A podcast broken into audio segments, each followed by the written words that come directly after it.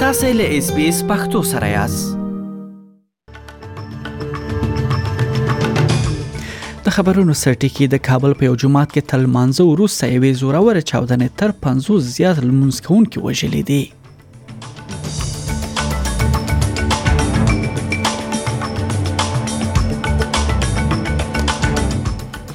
د سولیه ملي امامانو شورا د کوچنی اختر لومړی نیټه په داس حال کې اعلان کړې ده چې د کورونا وایرس وبا راهیسې لومړي ځل لپاره ډیرو هیوادونو کې محدودیتونه رم شوې دي او مسلمانان یاد ورځ آزادۍ سره لمانځي.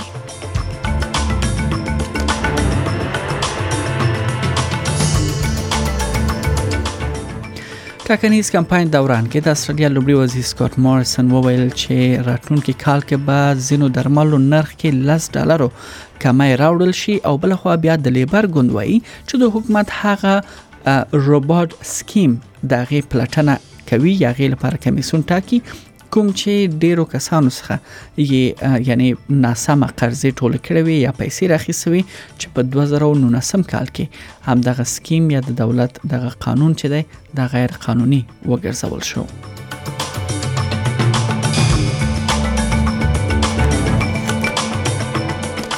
اول دا چې نبوي جماعت کې پاکستاني وزیر ته کنځلې سودی چارواکو یو شمیر پاکستاني وګړي نیولې دي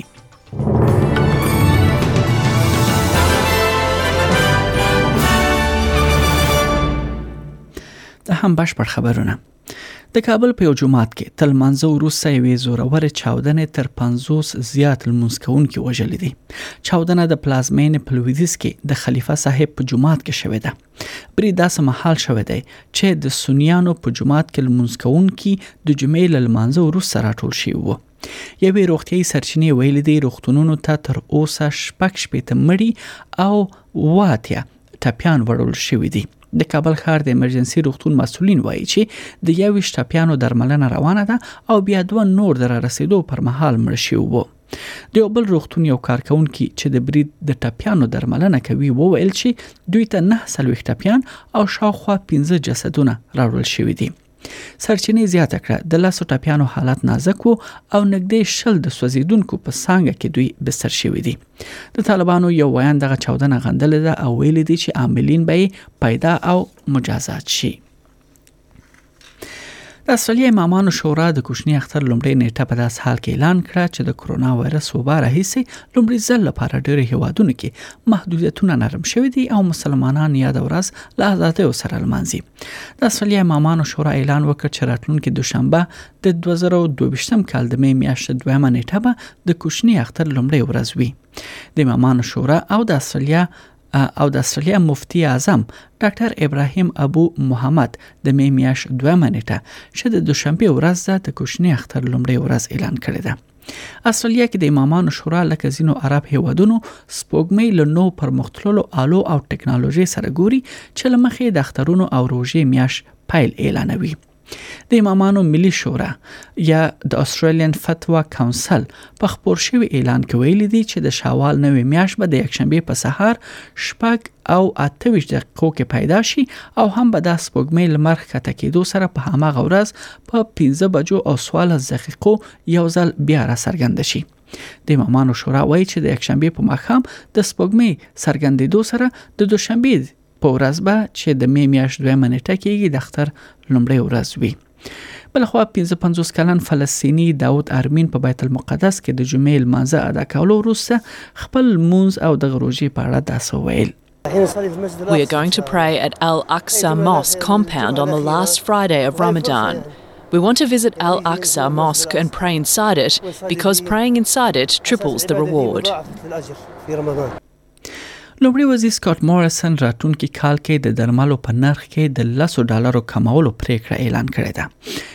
که بیا وټاکل شي ائتلافي ګوند ژمنه کوي چې د ورځني شرایط لکه د وینې فشار او لوړ کولیسټرول لپاره د درملو ګټو سکیم یا پی بی اس لاندې لس شوی ټولو درملو لګښت کم کړي لدې سره د پی بی اس درملو اعظمي نرخ له 22.50 سنټه یا 22.5 څخه 22.5 ته راټیټوي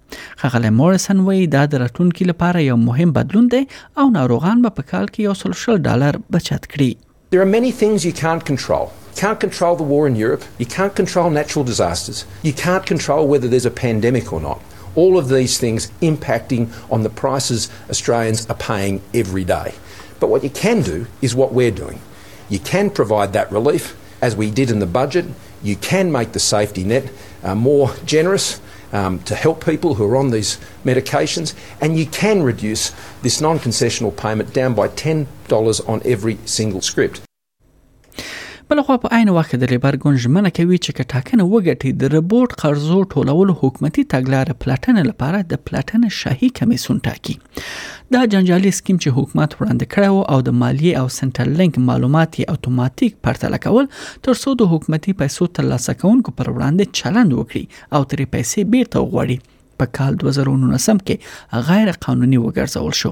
ځکه یاد روبوټ سیستم ډیر بیګونه خلک په نخښه کړی ول او غلطۍ سره خلک اړ وسل ترڅو حکومت ته بیرته پیسې ورکړي په 2020 کې د رباټ قربانیانو او فدرالي حکومت ترمنځ د 1.2 میلیارډ ډالرو تاوان هوکړه وشوه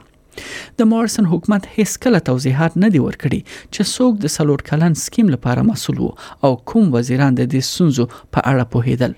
سکاټ مارسن د ټولنیزو خدماتو وزیر وو کله چې دا سکیم رامنځته شوی وو مګر د ناورین لپاره مسولیت اخیستل رد کړی دی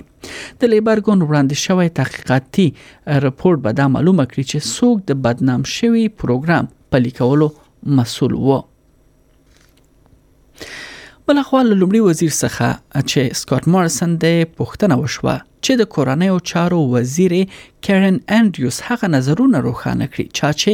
چین د استرالیا په ټاکنو کې په لاس وخنه تورن کړ اغلی انډریو وړاندیز کړی دی چې چین د فدرالي ټاکنو کمپاین سره سم د سلیمان ټاپوګانو سره د امنیتي تړون د اصلي خبر د استرالیا له ټاکنو سره تړاو لري سکوت مورسن بیا وایي استرالیا خپل محافظتونه لري We're very aware of the influence the Chinese government seeks to have in this country. We, in fact, introduced laws to prevent it. So, any suggestion um, that China, the Chinese government doesn't seek to interfere uh, in Australia, well, we didn't put that legislation in for no reason. We put it in there to ensure that Australians' security uh, could be safeguarded from foreign influence in our own country. بلخوا دا په داسې حال کې ده چې د سلیمان ټاپو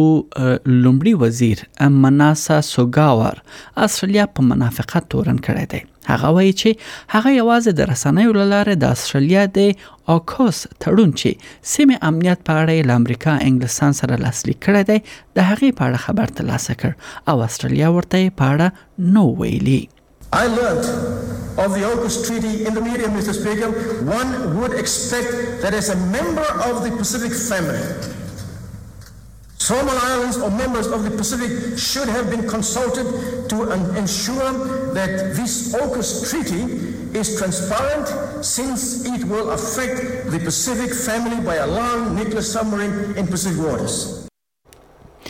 پاکستان کې سعودي عرب سفارت تایید کړې ده چې د مدینه منورې په نبوي جماعت کې د شهرونو په تور یو شمیر پاکستانیان نیول شوی دي د یادونه ده چې پر پنځشنبه یو شمیر پاکستانیانو هغه مهال سیاسي شعارونه ورکړل او سپک سپوري وویل چې د پاکستان لومړي وزیر شهباز شریف له یو پلاوي سره د لمانځلو لپاره نبوي جماعت ته ورسید له پرون ماښام راهیسې داسې ګنګوسې وې چې د لړ کې سعودي چارواکو ځینې پاکستانیان نیولي دي خو د جمعې په ورځ د پاکستاني رسنیو پر رپورټونو کې د سعودي سفارت مسولینو له قوله ویل شو چې ځینې کسان په نبوي جماعت کې د شعرونو ورکولو په تور نیول شوي دي بلخوا دا خبر د بي سي پښتو ویب پاڼه لمخه و بل خبر له افغانستان څخه دی د امریکا د بهرنیو چارو وزیر انټونی بلینکن ویل دي چې پر افغانستان د طالبانو له واکمنېدو راهیسې یوازنی مثبت بدلون دا دی چې د هوا ته د تیر پر پرتله ثبات او نسبی سوله راغله ده نو موري دا څرګندونه د چهارشنبه پر ورځ د امریکا د سنا مجلس یوې ځانګړي کمیټې ته کړې دي د دې کمیټې یو غړي سناتور لندي ګراهم د بهرنیو چارو وزیر نه افغانستان کې د اورپاکو ډلو د شتون په اړه پوښتنه وکړه خغلی بلند کې په ځواب کې ویل افغانستان کې د القاعده ډیر کم شمیر جنگلي موجود دي خو دا وضاحت یې ورنکړ چې لکم ځای دا معلومات ترلاسه کړی دي او دا هم وروستی خبر د نړۍ تر ټولو شتمن کس لخوا د ټولنیز شبکې ټویټر پیرل د یاد شبکې کارکونکو له نارضایتۍ سره مخ شوی دی د ټویټر اجرایوي رئیس ارشو چې د الن ماسک لخوا د یاد شبکې اخیستلو وروسته ناراضه کارمندان راضي کړي او خوښ کړي رویټرز راپور ورکوي چې د ټویټر اجرایوي مشر پراګ اګروال د شرکت کارکونکو سره د جمعې ورځ په ناسه کې د پښتون سره مخ شو چې څنګه مدیران به وکولای شي چې د نړۍ تر ټولو بډایه سړی لخوا د اټکل شوی ډلهییز اخراج اداره کړي آلن ماسک په یو شپېته میلیارډ استرالی ډالر باندې د ټویټر شبکه وپیرله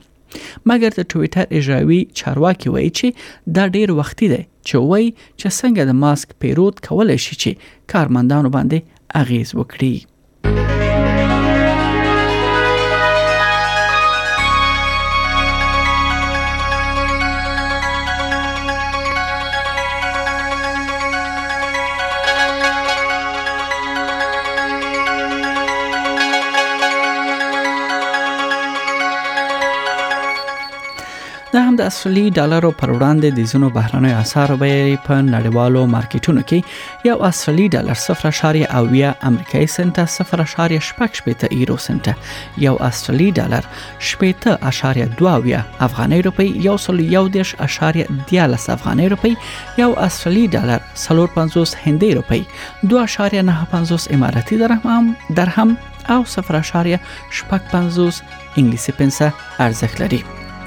د هم د سولیه د زونو خارونو نن لپاره د تودوخه تر ټولو لوړه درجه هغه هم د سانتیګریډ په کچه سیدنی کې هوا باراني د سلیریش په ملبون کې اسمان برګ دی اتلس په برزبن کې هوا باراني د وویش په پرت کې هوا لمریزه ده سلیریش اډلېټ کې اسمان برک شل هوبار کې اسمان برک شپارس کمبيره کې هوا